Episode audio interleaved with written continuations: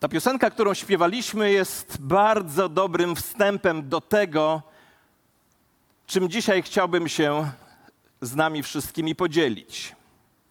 Dla głoszenia Słowa Bożego, o którym właśnie śpiewaliśmy, i mówców zajmujących się tą służbą, nastały bardzo specyficzne czasy. Jeśli nie chcemy kogoś słuchać, po prostu wyłączamy transmisję lub przeskakujemy na inne nabożeństwo.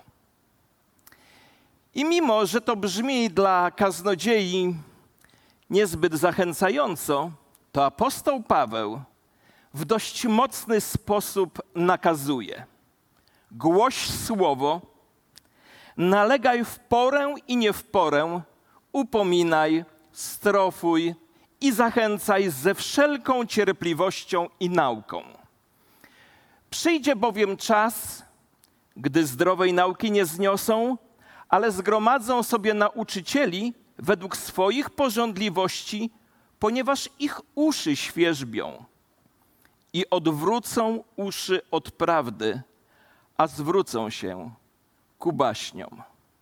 To słowo jest słowem proroczym, które mówi o tym, w jaki sposób część ludzi wierzących będzie miało podejście do Bożego Słowa. A kto z Was już kiedyś słyszał taką frazę: przestań mi mówić kazania? O, dziękuję, jest parę osób.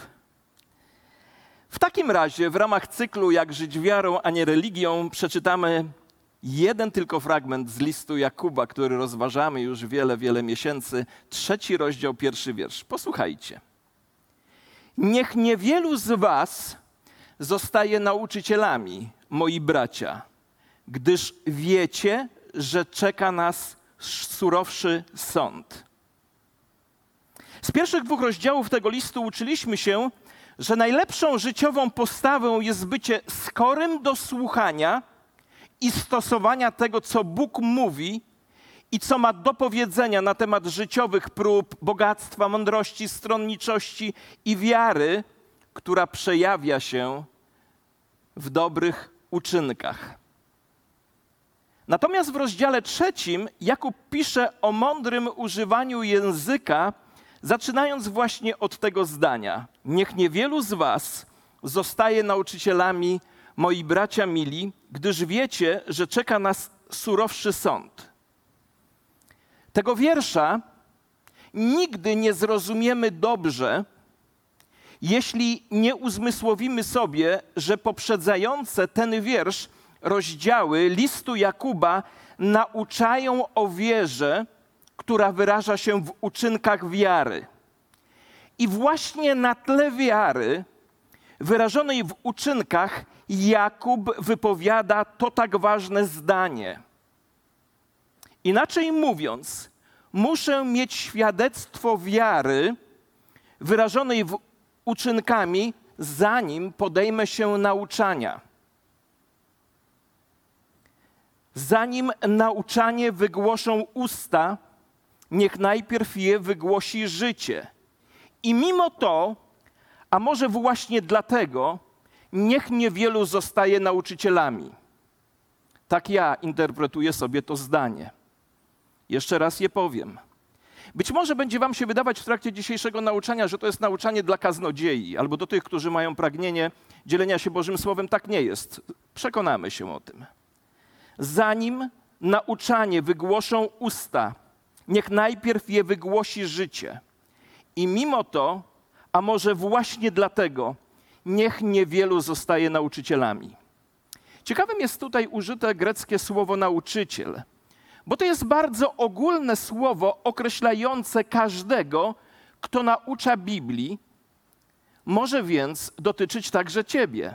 To nie chodzi tylko o tych, którzy stają za kazalnicą, to dotyczy każdego, kto dzieli się Bożym Słowem, naucza Bożego Słowa. Ciekawym jest to, że ten fragment zawiera zarówno przykazanie, jak i ostrzeżenie. I przyjrzymy się obu z nich, a następnie zastanowimy się, jak praktycznie zastosować je w naszym życiu. Zacznijmy od przykazania. Przekazanie brzmi: Niech niewielu z Was zostaje nauczycielami. I powiem Wam, że w świetle Biblii to stwierdzenie brzmi wyjątkowo dziwnie, bo przecież nauczanie to szlachetne zajęcie, a wierni nauczyciele powinni być szanowani przez wszystkich. Czyż sam Jezus nie wydał nam następującego polecenia? Idźcie więc i nauczajcie wszystkie narody, chrzcząc je w imię Ojca i Syna i Ducha Świętego, ucząc je przestrzegać wszystkiego, co wam przykazałem, a oto ja jestem z wami po wszystkie dni, aż do skończenia świata. To przykazanie Jezusa zaczyna się i kończy słowami związanymi z nauczaniem. A autor listu do Hebrajczyków mówi tak: biorąc pod uwagę czas, powinniście być nauczycielami.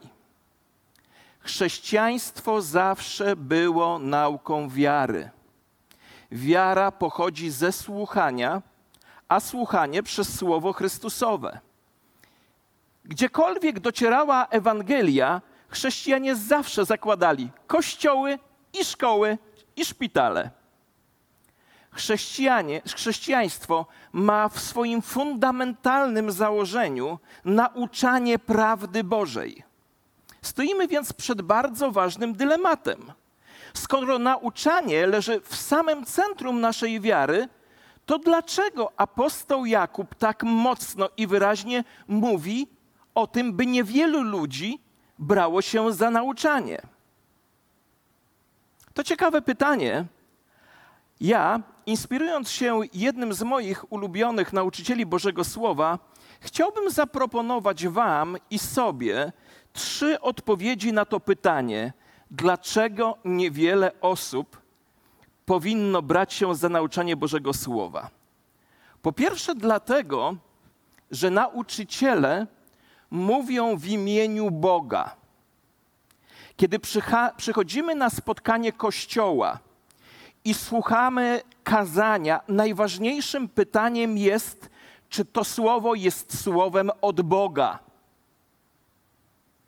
W stosunku do mówienia prawdy, którą Bóg już powiedział w Biblii, wszystko inne jest drugorzędne. Najważniejsze jest to, czy to słowo jest od Boga. I kiedy kaznodzieja jest wierny temu, co powiedział Bóg, wtedy naprawdę możemy powiedzieć, że przekazuje słowo Boga. To jest ogromny przywilej i wielkie zobowiązanie. Dlaczego niewiele osób powinno brać się za nauczanie Bożego Słowa? Po pierwsze, dlatego, że nauczyciele mówią w imieniu Boga. A po drugie, nauczyciele muszą praktykować to, co głoszą. Nikt nie chce słuchać hipokryty. Jeśli pastor wygłasza kazanie na przykład na temat ofiarności, to chcemy wiedzieć, czy on to praktykuje. Ale muszę jednak dodać coś bardzo istotnego.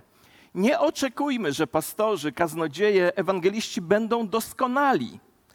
To zbyt duże wymaganie, nawet w przypadku najbardziej pobożnych przywódców. Ponieważ wszyscy, jak mówi Biblia, potykamy się w wielu obszarach naszego życia.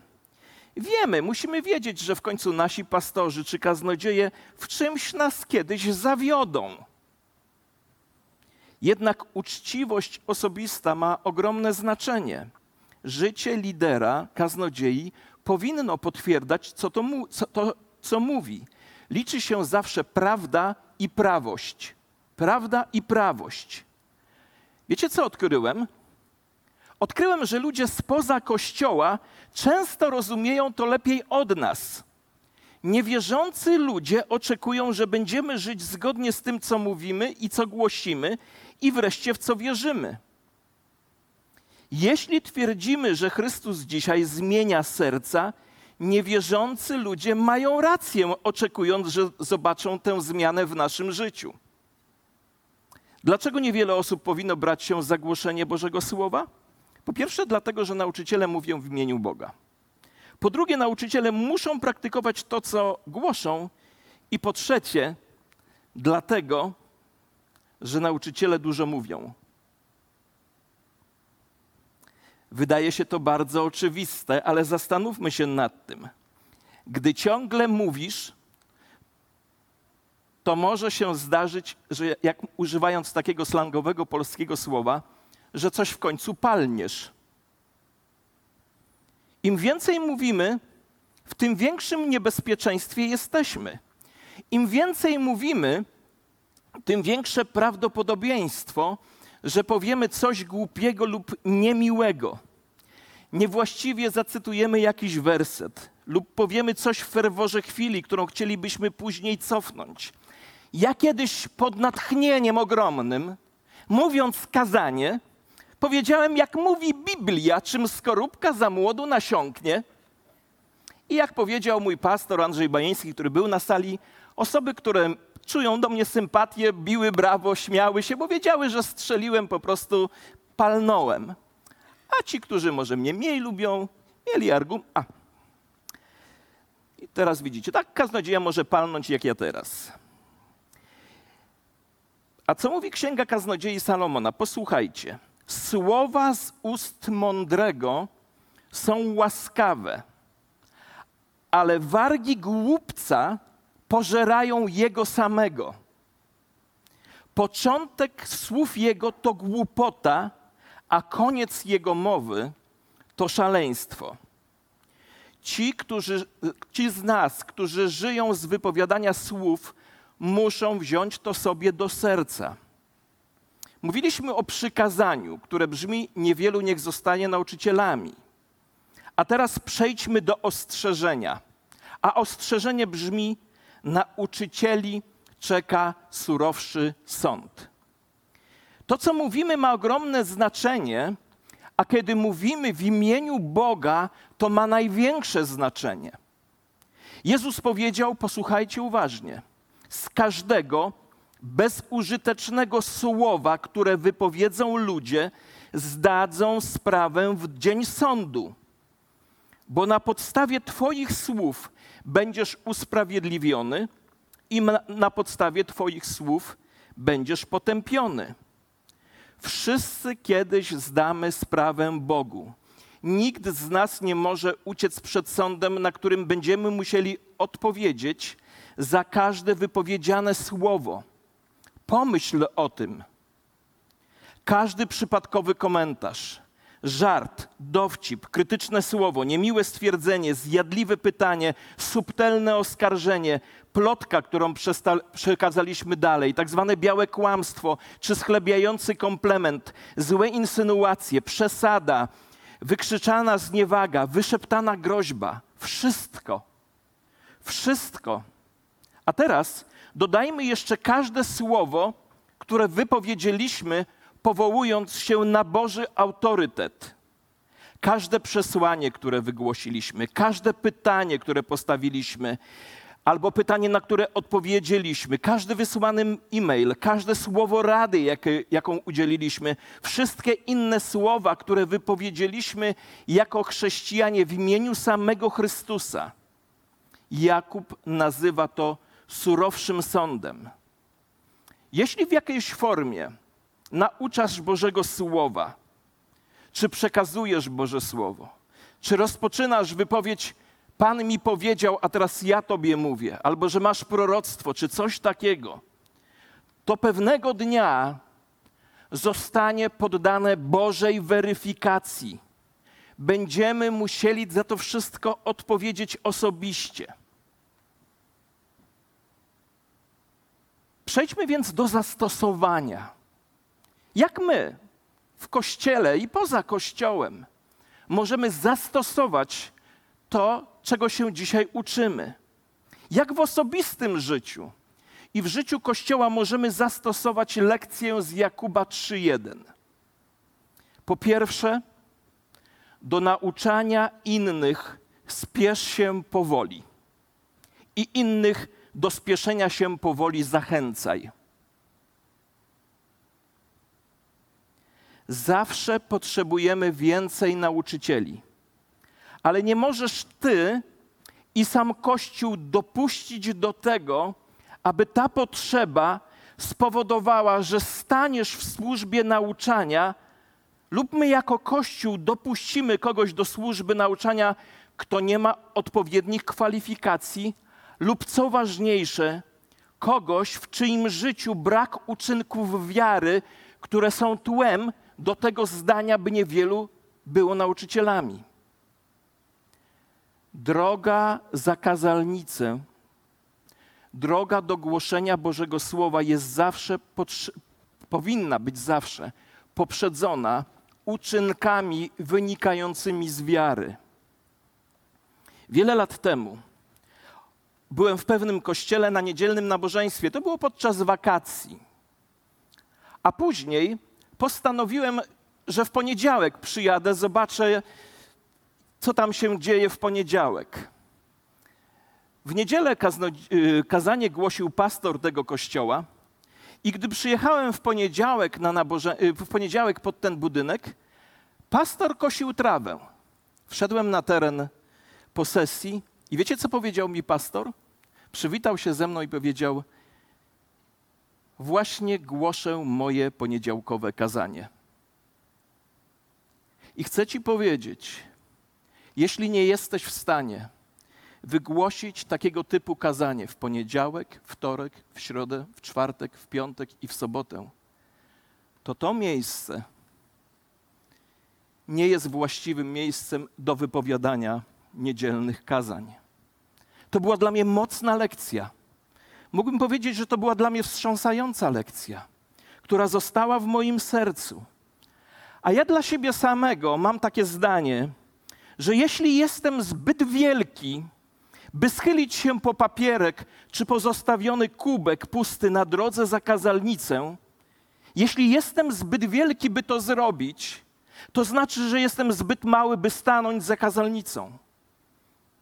Jeśli jestem zbyt wielki, by w drodze do kazalnicy nie pochylić się nad papierkiem, który leży, nad pustym kubkiem, nad rzeczą, którą widzę, a która powinna być usunięta, to znaczy, że jestem zbyt mały, żeby stawać tutaj.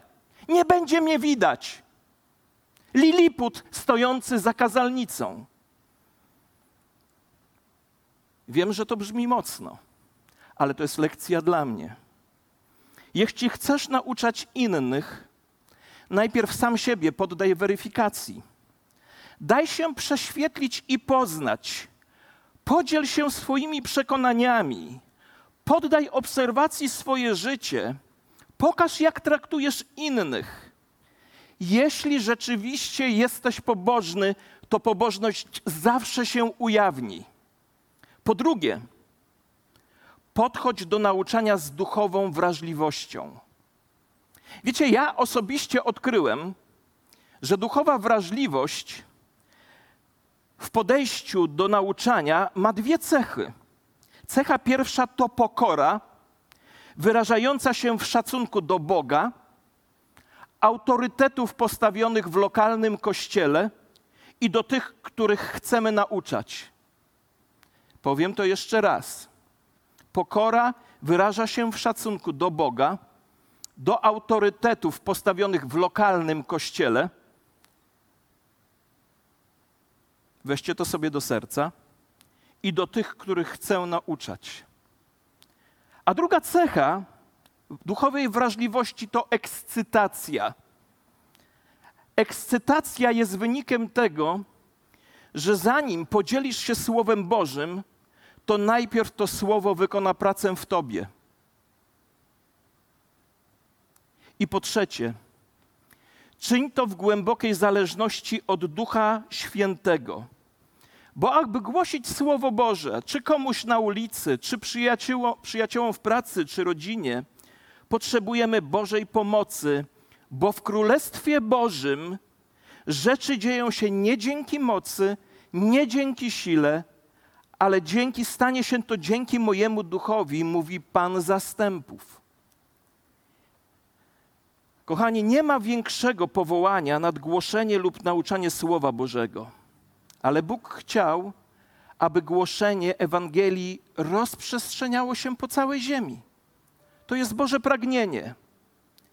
Kiedy głosimy lub nauczamy w poddaniu Duchowi Świętemu, wówczas niesiemy Boże światło to wielkie powołanie, które niesie za sobą wielką odpowiedzialność.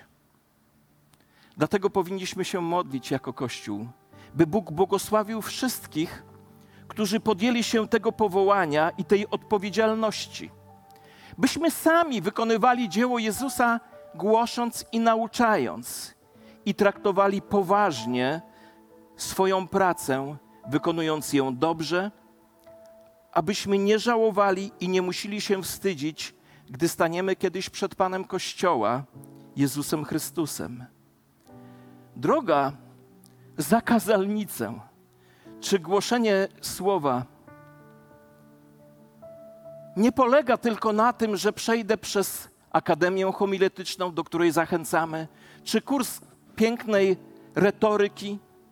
To są ważne rzeczy, ale droga do kazalnicy wiedzie przez pokorne uniżenie, przez szacunek do każdego człowieka, do podporządkowania się Bożym autorytetom, autorytetom Kościoła i szacunku do słuchaczy. Dlatego, jeśli kiedykolwiek wypowiedziałem niewłaściwe słowo, zażartowałem w niewłaściwy sposób, a zdarzało mi się to kilkakrotnie albo wielokrotnie, dzisiaj mogę powiedzieć: przepraszam i proszę o przebaczenie. A jeśli czujesz w sobie powołanie do tego, by dzielić się Bożym Słowem, to pamiętaj, szkoła do głoszenia Bożego Słowa, szkołą do głoszenia Bożego Słowa może być wykładzina w kościele, toaleta, w której ktoś zapomniał spuścić wody przed tobą, człowiek, któremu z powodu jego wyglądu byś nie podał ręki. To jest najlepsza szkoła. A później można do tego dołożyć akademię homiletyczną, szkołę pięknej wymowy i wiele, wiele jeszcze innych rzeczy. I choć to kazanie wydaje się być skierowane do kaznodziei, chyba już rozumiemy, że dotyczy każdego z nas. Za tydzień o tym, jeśli Bóg pozwoli, będziemy mówili więcej i za dwa tygodnie jeszcze więcej. A dzisiaj pochylmy nasze głowy w modlitwie, podziękujmy Bogu za tych, których do tego powołał i módlmy się o siebie nawzajem. Dobry Boże, dziękuję Ci za Twoją dobroć. Dziękuję Ci, że to Ty w Kościele uczyniłeś najpierw nauczycieli, pastorów, proroków, Panie, tych wiele służb, o których czytamy. Ty to wszystko ustanowiłeś. I proszę Cię, Panie, abyś każdego z nas kształtował na swój sposób i podobieństwo. Panie Jezu, dziękuję Ci, że Twoje kaznodziejstwo było poprzedzone pracą w stolarskim warsztacie swojego ojca. Dziękuję Ci, że kaznodziejstwo Piotra było poprzedzone pracą przy łowieniu ryb. Dziękuję Ci, że kaznodziejstwo apostoła Pawła było poprzedzone szyciem namiotów.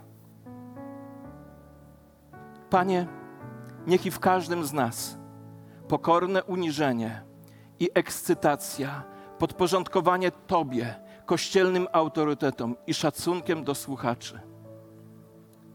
Niech te rzeczy będą w naszym sercu i poprzedzają wypowiedziane przez nas w Twoim imieniu słowa o co Ciebie z całego serca prosimy. Amen.